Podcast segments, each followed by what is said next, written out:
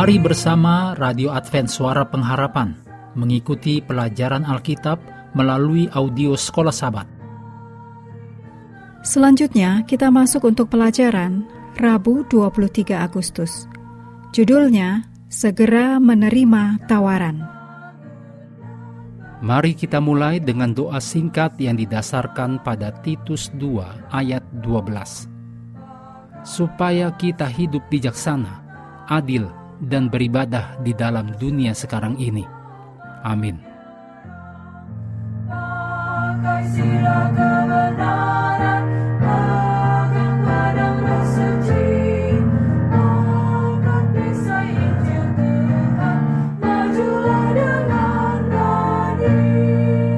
Paulus mengakhiri Efesus 5 ayat 1 sampai 20 dengan dua kumpulan nasihat Efesus 5 ayat 15 sampai 17 dan Efesus 5 ayat 18 sampai 20 adalah bagian untuk kemurnian seksual.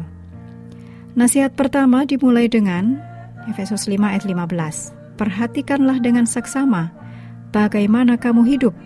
Janganlah seperti orang bebal, tetapi seperti orang arif. Kemudian dinyatakan kembali sebagai dalam Efesus 5 ayat 17, Sebab itu janganlah kamu bodoh, tetapi usahakanlah supaya kamu mengerti kehendak Tuhan. Di antaranya adalah panggilan untuk menggunakan waktu yang sebaik-baiknya. Dicatat dalam Efesus 5 ayat 16. Perhatikan nasihat Paulus untuk hidup dengan cara yang mencerminkan hikmat yang penuh doa dan kearifan. Efesus 5 ayat 15 sampai 17. Apakah maksud antara berjalan bukan sebagai orang bodoh tetapi sebagai orang arif?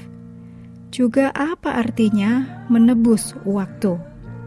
Di Efesus, Paulus telah berulang kali menggunakan metafora perjanjian lama yang umum tentang berjalan untuk bagaimana seseorang hidup.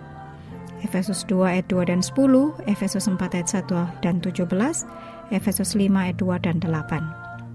Di sini, Paulus menggunakan metafora untuk mendorong pemuritan seperti yang dimaksudkan. Sama seperti Anda harus memperhatikan langkah ketika berjalan di jalan yang kasar atau gelap, orang percaya harus perhatikanlah dengan seksama bagaimana kamu hidup. Efesus 5 ayat 15. Karena Efesus 5 ayat 15 ada kesejajaran dengan Efesus 5 ayat 17, kita dapat melihat definisi tentang apa artinya hidup sebagai orang bijak.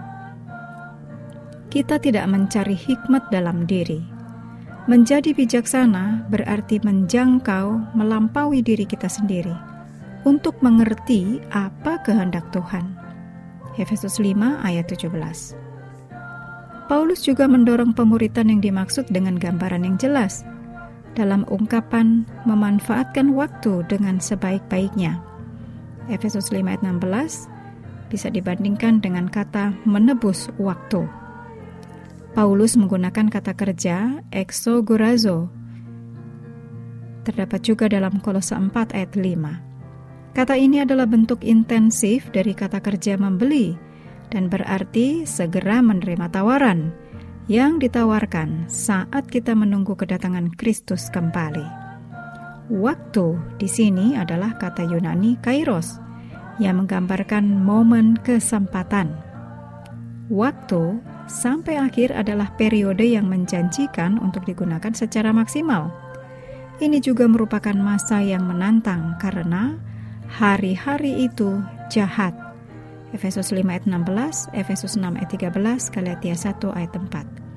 Dan karena jalan dunia ini didominasi oleh penguasa kerajaan angkasa.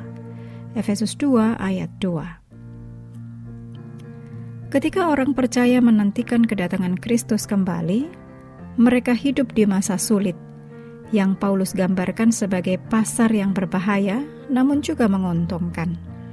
Mereka harus berhati-hati dalam penggunaan waktu yang tersisa seperti halnya berburu barang murah selama penjualan singkat yang menawarkan diskon besar. Meskipun kita tidak dapat membeli keselamatan, gambarannya masih tepat, yaitu ambillah segera apa yang ditawarkan kepada kita di dalam Kristus.